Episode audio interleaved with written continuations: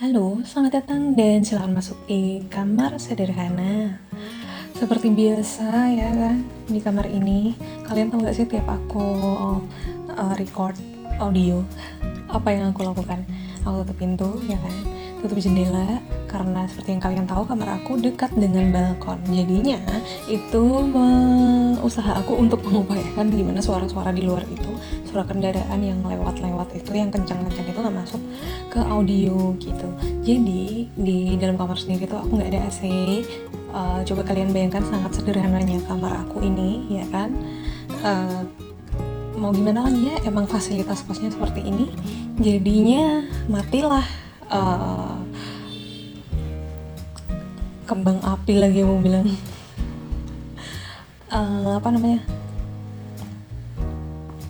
Kipas angin coy. Kipas angin ngomong kipas angin tuh amat sih sumpah. Kipas angin ini aku matiin supaya nggak noise gitu. Jadi uh, ini rasanya tuh gerah banget kalau aku tuh nggak pakai kipas angin. Jadi tuh podcastan tuh sambil sauna ya kan? Jadi biar kalian kebayang aja nih aku cerita gini nih betapa sederhananya kamar aku. Makanya namanya podcast ini kamar sederhana gitu guys.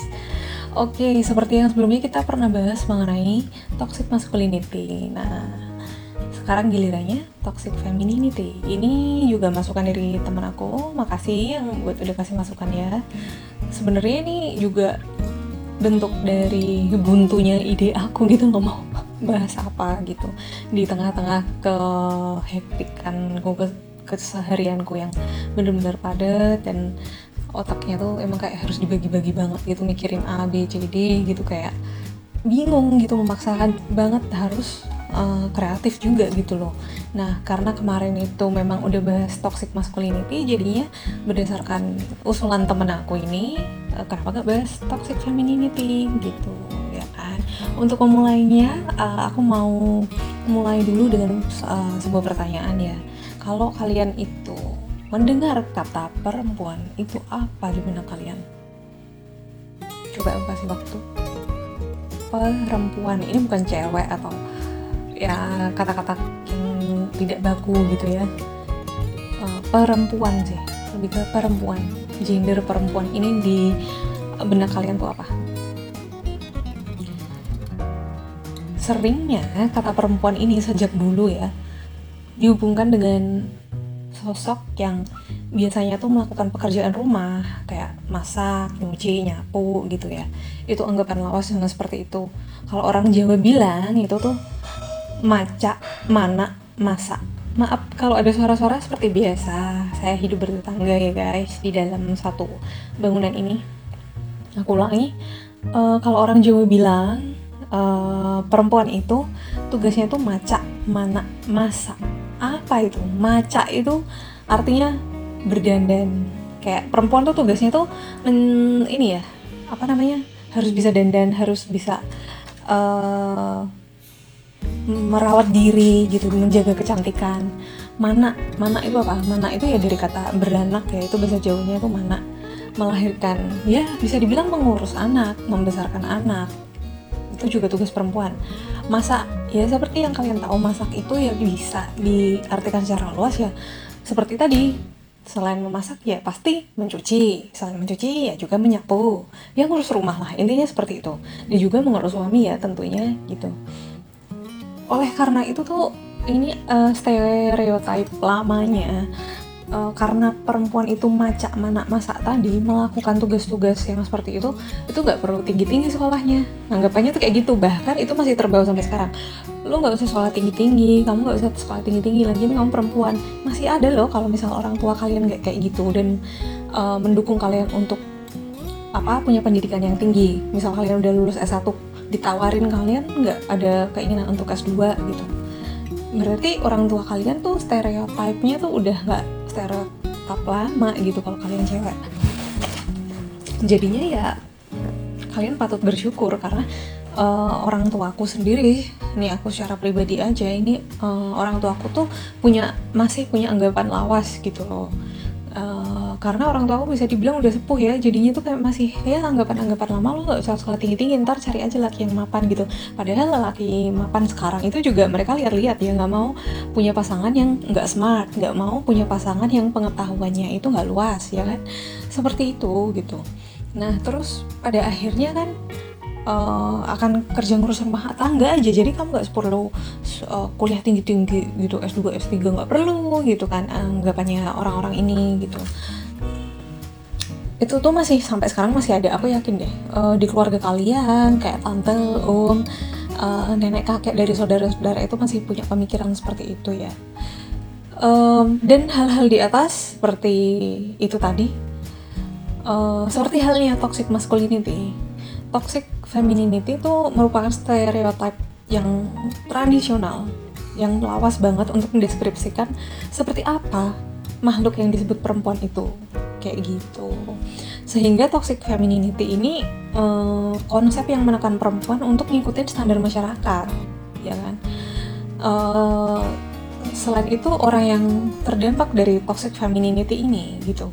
Kan memang nggak semua ya kayaknya nggak semua keluarga lingkungan itu uh, punya stereotype yang masih lawas ini tadi ya cuma mungkin eh, nggak uh, semua tapi banyak lah aku yakin di Indonesia terutama itu orang-orang yang terdampak toxic femininity ini biasanya tuh sulit untuk menjadi dirinya sendiri gitu loh dia mau ngapain aja tuh harus ditentuin sama orang tuanya dia harus banget buat uh, nurutin apa yang orang tuanya anggap itu udah jadi standarnya perempuan kayak apa gitu.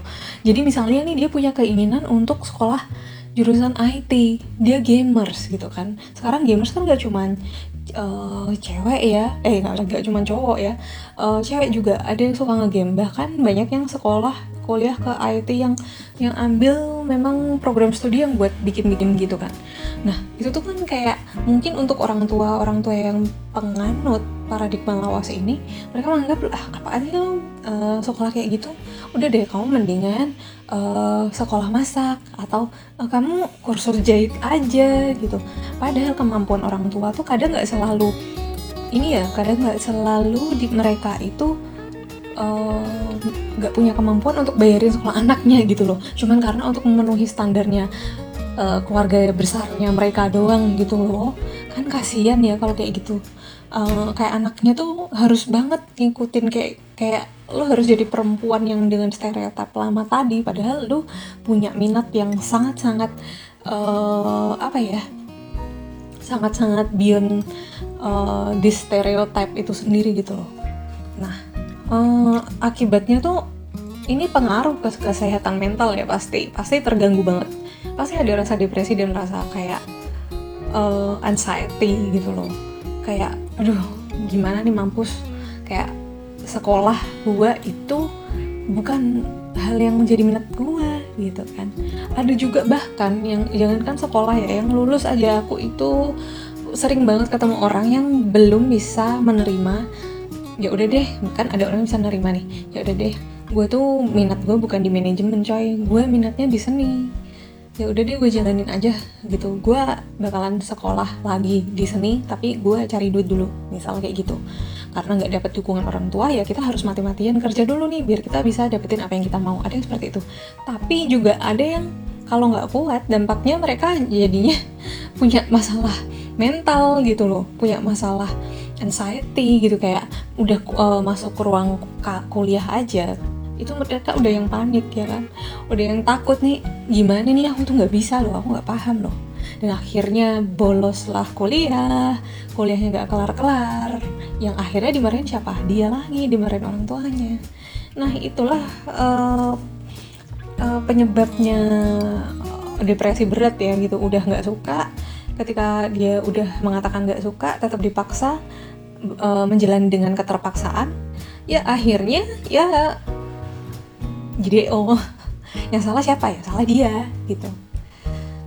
Makanya uh, karena nggak memenuhi standar standar uh, yang tadi itu nggak sedikit perempuan tuh justru menyalahkan dirinya sendiri karena nggak bisa mengikuti ekspektasi orang lain bukan hanya soal lu kuliah nggak sesuai jurusan bukan hanya soal lu pekerjaan lu nggak sesuai uh, dengan uh, keinginan orang tua lu yang pengennya lu jadi cewek yang pada umumnya orang lihat gitu.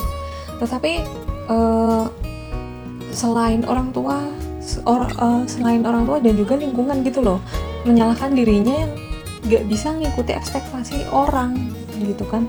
Ada orang yang suka julid nih emang ya kan uh, kayak tetangga ya tetangga. Anaknya kuliah apa bu? Oh teknik uh, bangunan. Ah teknik bangunan? Gitu. Dia nggak tahu padahal soal teknik bangunan itu otaknya kalau nggak encer ya nggak bisa. Anaknya suka apa bu? Teknik elektro. Hah mau jadi apa? Gitu. Gila aja coy. Ini mereka calon-calon engineering tapi cewek kan keren ya gitu. Tapi stereotype lama membuat itu terkesan salah gitu kan ya akhirnya mereka-mereka ini yang nggak kuat mentalnya itu ya menyalahkan dirinya gitu loh. Gimana sih? Gue uh, nggak kayak orang-orang mau ya gue salah ya kayak gitu.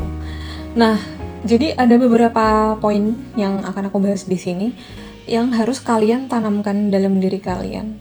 Menempatkan pemikiran-pemikiran ini atau pemikiran-pemikiran baru yang sedikit demi sedikit harusnya bisa menggeser itu dan kalian harus menjadi pelaku uh, pergerakan ini gitu loh untuk menjaga mental health dan kewarasan kalian sebagai wanita gitu. Yang pertama, anggapan harus bisa masak. Hmm, ini nih, perempuan nggak harus bisa masak, ya kan?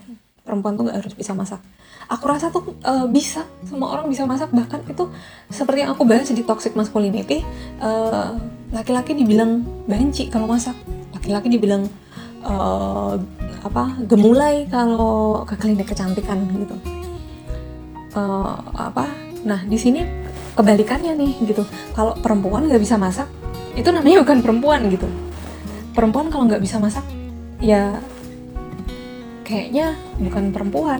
Nah, jadi uh, harus gimana nih kita yang perempuan-perempuan yang biasanya itu adalah wanita karir. Sebenarnya wanita karir itu bukan dia nggak bisa masak tuh seringnya. Seringnya itu karena mereka nggak punya waktu gitu. Karena untuk pemenuhan kebutuhan jadi mereka harus kerja banting tulang pagi siang malam di kantor gitu. Tapi harus bisa uh, gini perempuan tuh nggak harus bisa masak tapi harus bisa melakukan hal-hal yang membuatnya maju dan bahagia gitu jadi apa pun yang membuat kalian maju dan membuat kalian bahagia selama itu positif ya udah lakuin aja. Nggak ada patokan kamu bukan perempuan kalau kamu nggak bisa masak ya kan? Nggak ada patokan uh, suami nggak bahagia kalau kalian nggak bisa masak kayak gitu. Perempuan yang nggak bisa masak atau yang nggak sempat memasak karena kerja pun sebaiknya tuh nggak dihakimi coy. Gitu. Jangan dihakimi lah gitu. Karena dia itu punya alasan sendiri loh kenapa dia nggak ngelakuin hal itu. Dan kita tuh harus hormati kita harus hargai. Ya kan? Karena gini aku ini juga orang yang uh, bisa dibilang itu suka banget masak sebenarnya suka banget. Bahkan aku suka masak masakan yang out of the box gitu. Karena aku sendiri itu eh, nggak um, terlalu suka jajan di luar. Karena apa? Karena aku menjaga kesehatan banget. Jadi aku mending eksekusi makananku sendiri. Tapi kendalanya adalah uh, aku ini kerja kerjaku tuh dari pagi sampai malam seringnya. Dan kalau pagi itu badan tuh kayak ada rasa mager ada rasa lelah gitu. Kalau pagi-pagi banget harus masak untuk diri sendiri itu uh, mager juga gitu loh kadang tuh. Karena kosku itu kan ada di atas dan dapurnya di bawah itu juga jadi pengaruh ya buat males masak. Padahal aku tuh sering ngestokin makanan-makanan gitu bukan makanan ya bahan makanan. Tapi biasanya aku eksekusi ya emang malam gitu. Aku eksekusi makanan uh, bahan makanan malam untuk makan malam seperti itu. Sebenarnya aku suka masak bahkan kalau di rumah itu masakin orang rumah bikin-bikin apa yang belum pernah dimakan sama orang rumah gitu-gitu. Tapi ya itu dong kalau kalian nggak pernah lihat orang masak di depan mata kalian bukan berarti dia nggak bisa masak gitu loh. Tolong dipahami ya kan kita harus menghormati dia punya alasan di balik itu kita nggak tahu. Dia mungkin pagi-pagi tuh udah repot ngurusin anaknya mandiin karena anaknya itu masih butuh pengawasan masih di bawah lima tahun ya kan umurnya mungkin balita batita gitu. Belum lagi suami yang rewel yang uh, apa mau berangkat kerja aja cak minta tolong dicari cariin kaos kakinya di mana ya kan. Mungkin nggak sempet gitu karena dia juga harus berangkat ke kantor. Bahkan banyak juga wanita-wanita ini yang kerja di kantor ini mereka tuh nggak sempet make upan coy. Berangkat ke kantor nggak sempet. Mereka make upannya ya pas di kantor. Bahkan setelah makan siang mereka baru make upan.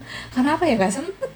Nggak sempet. Jadi kalau kalian tuh melihat orang wanita itu nggak masak di depan mata kalian bukan berarti dia nggak jago masak bukan berarti dia itu tidak memenuhi standarnya uh, apa yang disebut makhluk wanita begitu ya.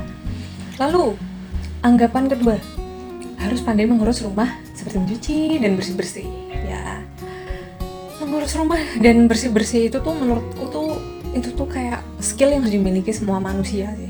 Baik itu wanita dan laki-laki. Nggak peduli itu gendernya apa. Menurutku itu life skill bersih bersih rumah uh, cuci baju. Itu tuh life skill gitu. Ya kan di masa kini itu mengurus kerapihan dan kebersihan lingkungan tuh ciri kemandirian dan kedewasaan. Bukan hal yang dianggap rendah gitu loh dan cuma boleh dilakukan sama perempuan ya kan? Itu tuh life skill coy. Ya kan? Lu uh, lu lu lu uh, lihat deh cowok-cowok yang hidupnya harus uh, sering move uh, apa ya mau mobilitasnya tuh tinggi banget. Uh, minggu ini dia ke Jogja minggu depannya dia ke Denpasar minggu berikutnya dia ke uh, mana tuh? Mau ke Malang kayak gitu. Ya life skill bersih-bersih dan disediain mes sama perusahaan ya dia tetap harus menjalankan. Kalau misal nggak ada laundry nih terpaksa banget ya mereka tetap harus nyuci. Nggak peduli itu cewek atau cowok kan? Kan begitu. Jadi uh, itu tuh life skill dan uh, kayaknya itu sudah menjadi hal yang utama ya. Bahkan uh, kalau di rumah tangga biasanya itu bagi tugas gitu loh. Anaknya yang cowok-cowok itu udah diminta cuci piring yang cewek-cewek juga beres-beres beberes nata rumah bersih-bersih ngelap-ngelap debu-debu kayak gitu kan ya kan?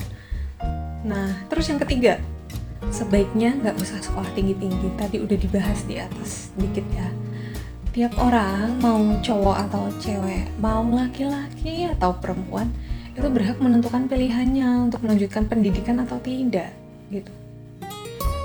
Ya kan? Semua orang berhak menentukan.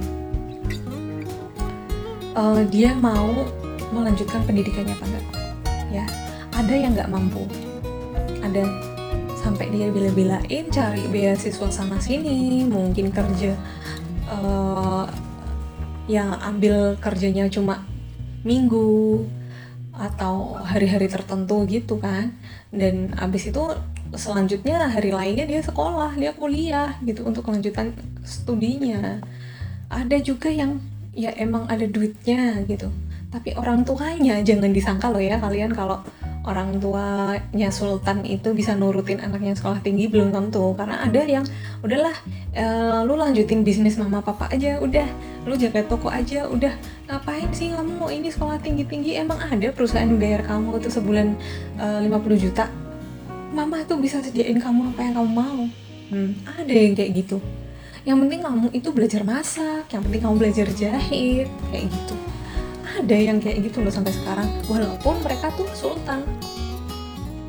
Yang penting anaknya nanti dinikahin sama yang konglomerat juga yang levelnya sama sama mereka. Kayak gitu.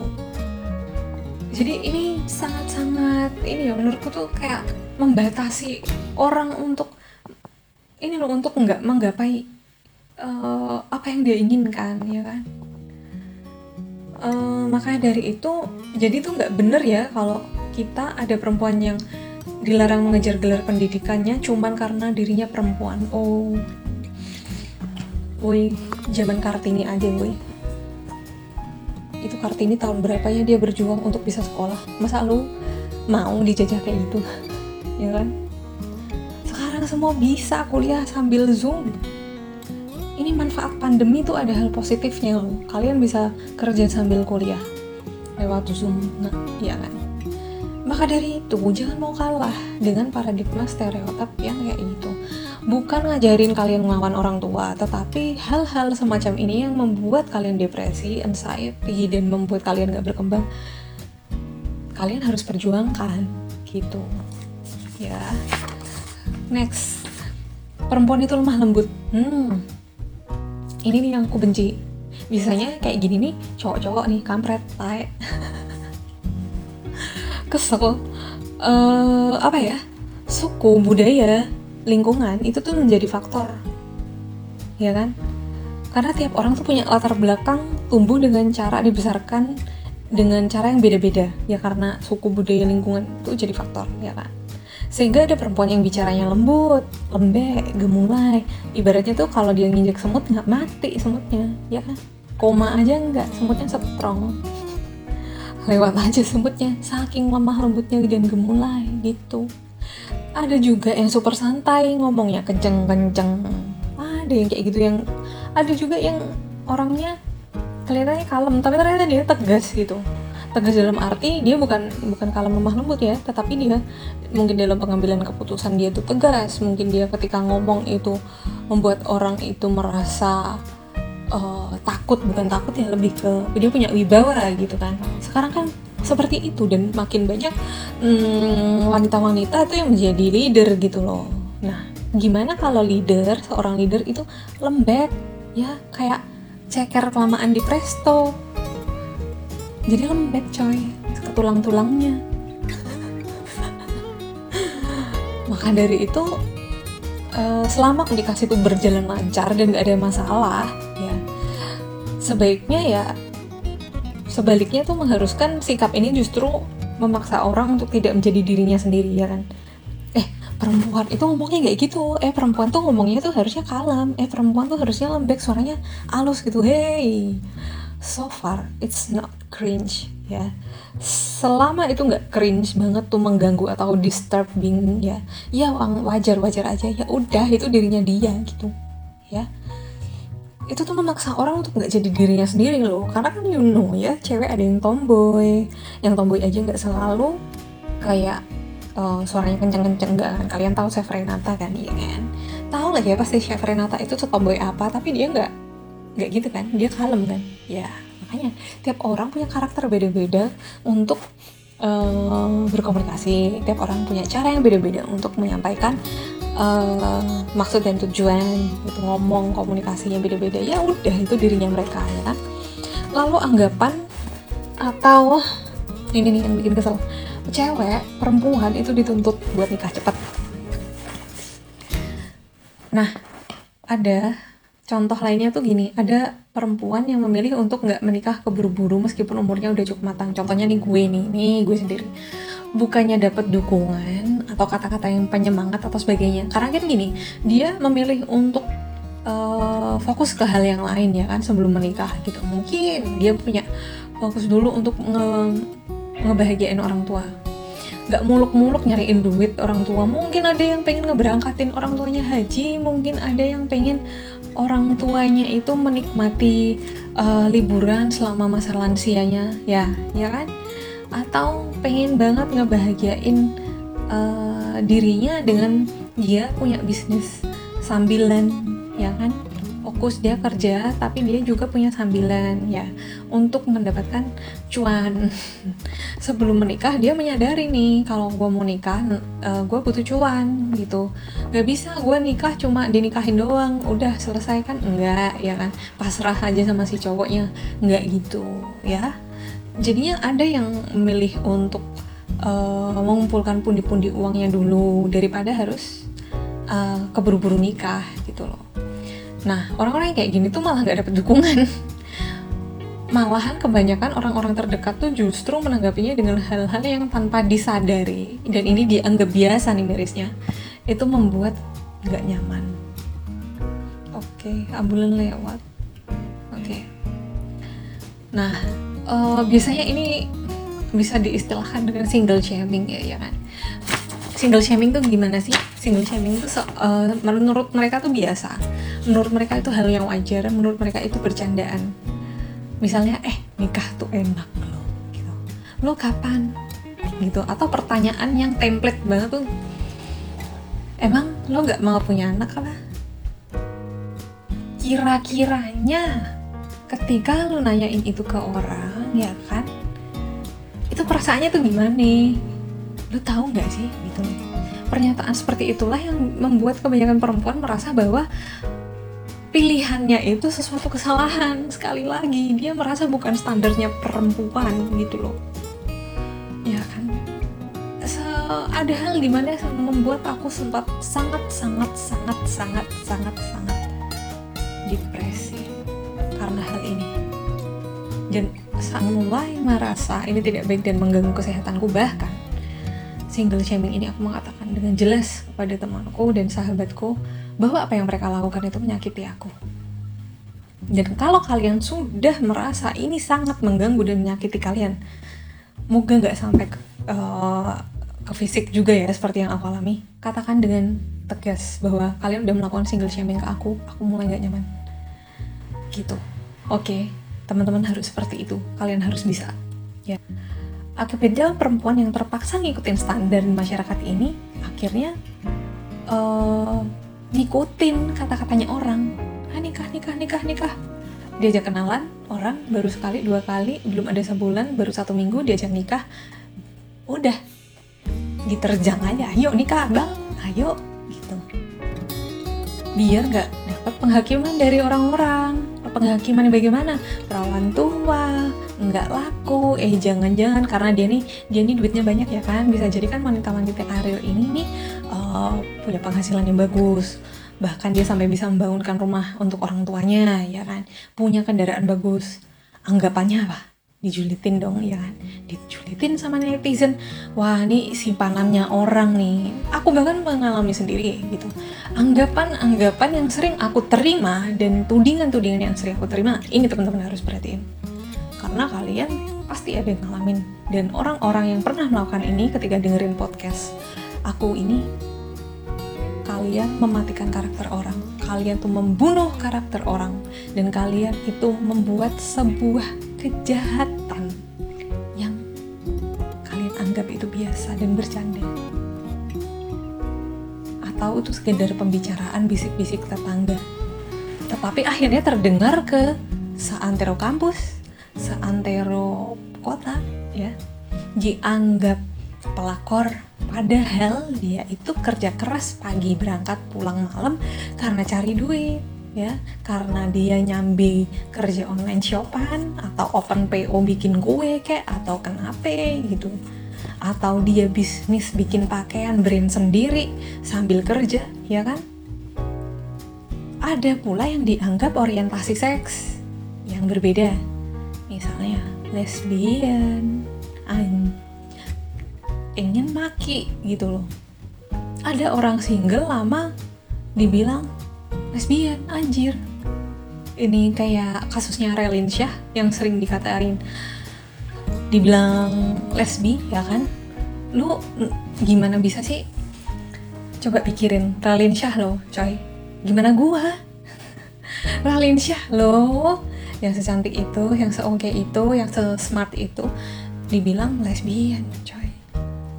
Cuman karena dia jomblo cuma karena dia belum nikah dia eh, kalian nggak pernah tahu apa dibalik semuanya itu mungkin dia punya perjuangan punya trauma gitu gitu ya kan? Oke okay, nah terus uh, orang yang memenuhi standar ini yang dituntut untuk menikah cepat akhirnya dia sikat aja kalau ada cowok yang ngajak nikah.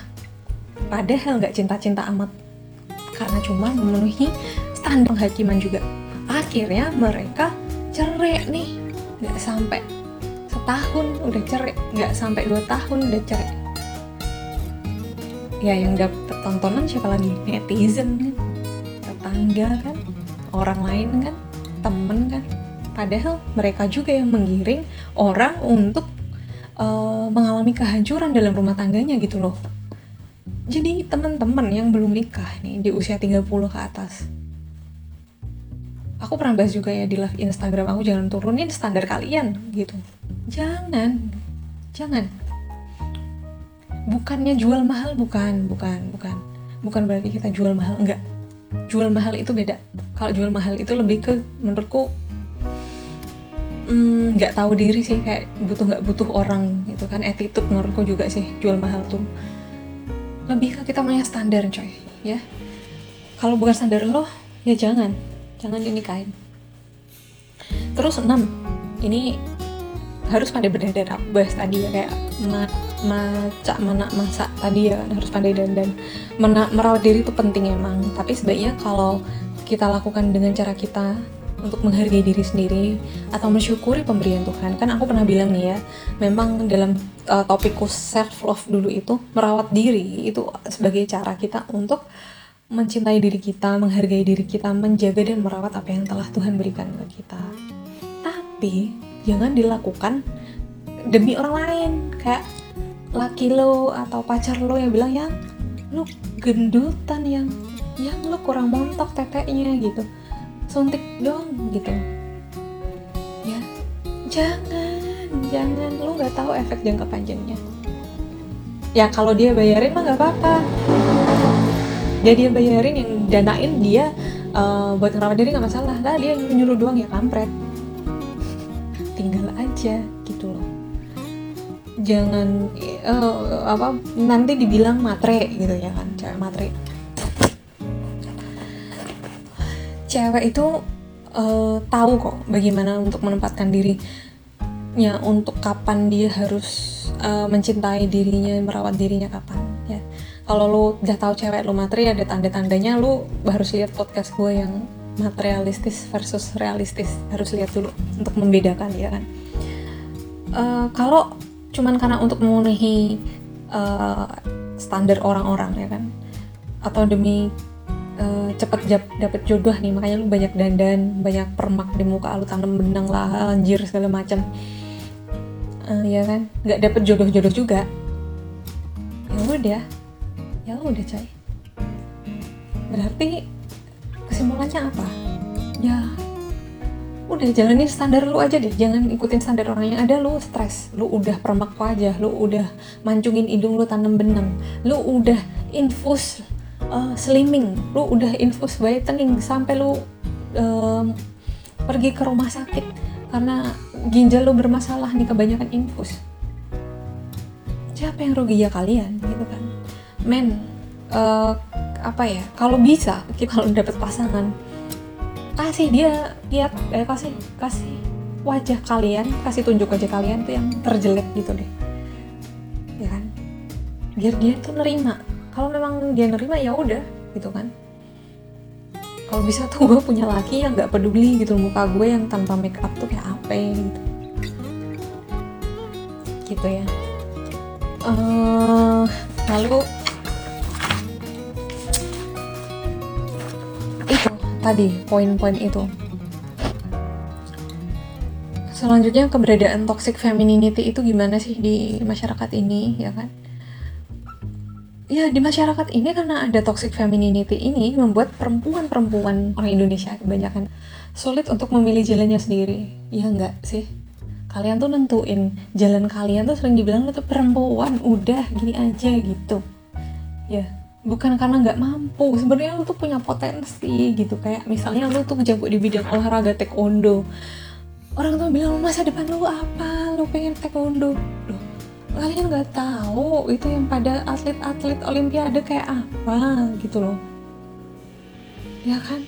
Coba bayangin dia mungkin punya potensi nih. Kalau misal itu dia uh, gapai semua impiannya latih dan dia didukung dapat dukungan. Bisa aja dia tuh atlet bisa sampai olimpiade mewakili Indonesia ya. Tapi berakhir masak di rumah. Apa nggak kan bayangin aja tuh.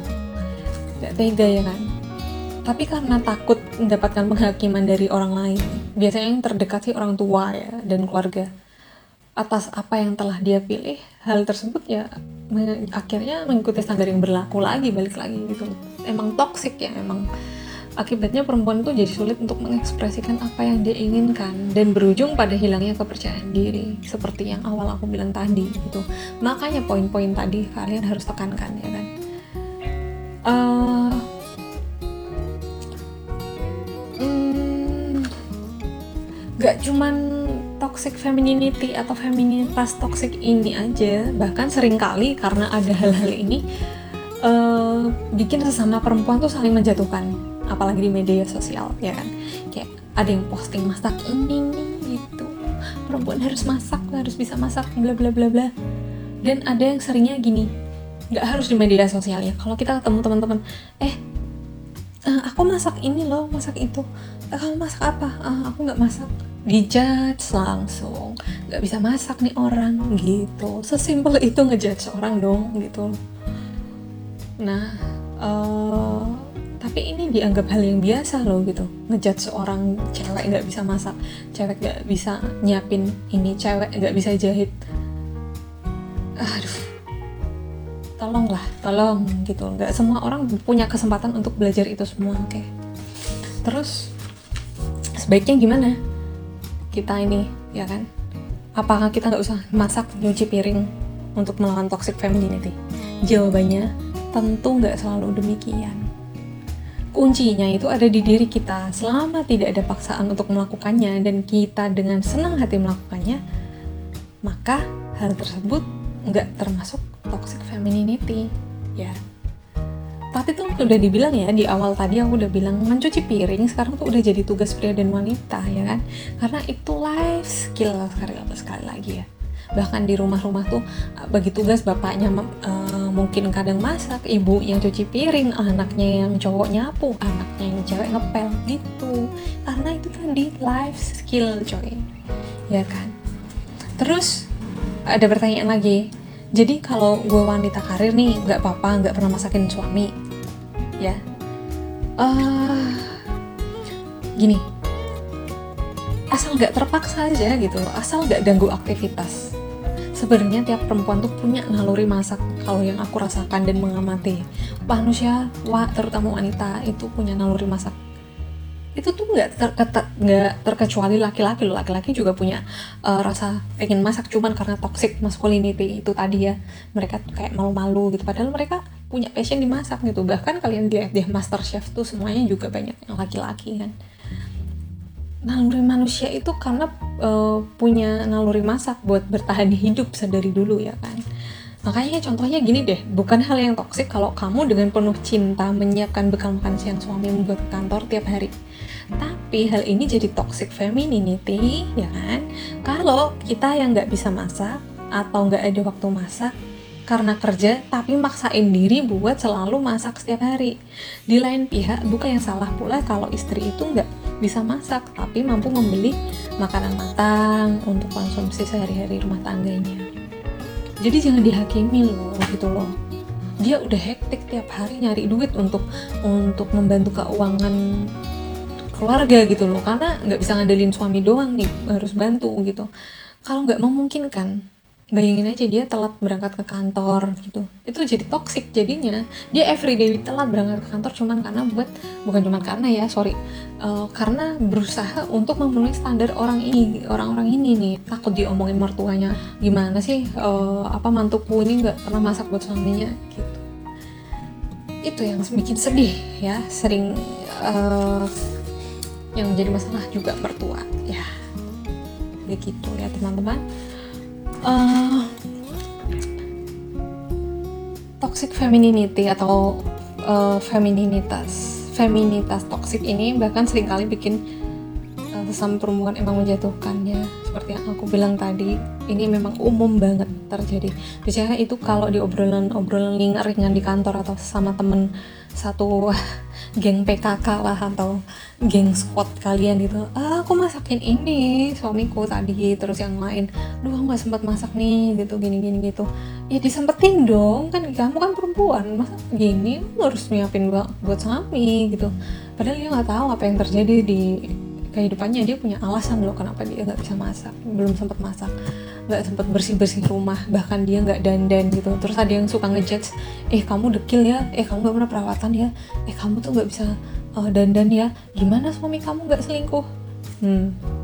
Ini kan bukan bikin orang itu uh, apa ya survive dalam masa sulitnya tapi membuat dia makin down.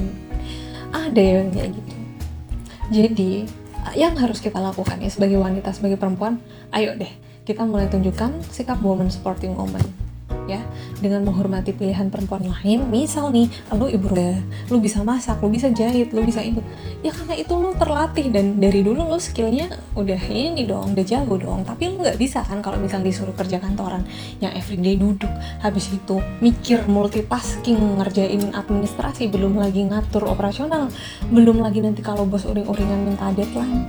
Ya kalian nggak bisa juga kan kayak gitu dan misalnya uh, ada temen kalian yang atlet nih misal dia suka olahraga dan dia jadi uh, apa ya PT ya personal trainer di tempat gym dia kerjanya uh, seperti itu. Walaupun dia perempuan ya kan jangan dijudge gitu loh. Lu ngapain cari duit kayak gitu? Kenapa lu kerja pakai otot? Ya kampretnya emang itu minatnya dia. Gimana sih? Jadi hargailah uh, dan hormatilah pilihan perempuan-perempuan yang lainnya gitu yang mungkin beda sama kamu gitu. Dan pelan-pelan kita nanti harus ganti toxic femininity untuk menjadi positive femininity. Gitu aja uh, suguhan hari ini. Selamat beristirahat menikmati waktu Semoga topik pencerahan hari ini memberikan pencerahan buat kalian yang kadang ngerasa insecure karena nggak sesuai dengan standarnya orang-orang menganggap wanita itu seperti apa, gambaran wanita seperti apa. Jangan berkecil hati. Tips hari ini yang aku share ke kalian itu untuk tetap menjaga kewarasan kita sebagai perempuan karena life must go on ya. Go girls, mm, woman sporting woman ya teman-teman. Ya gitu aja. Sampai jumpa di episode berikutnya. Bye bye.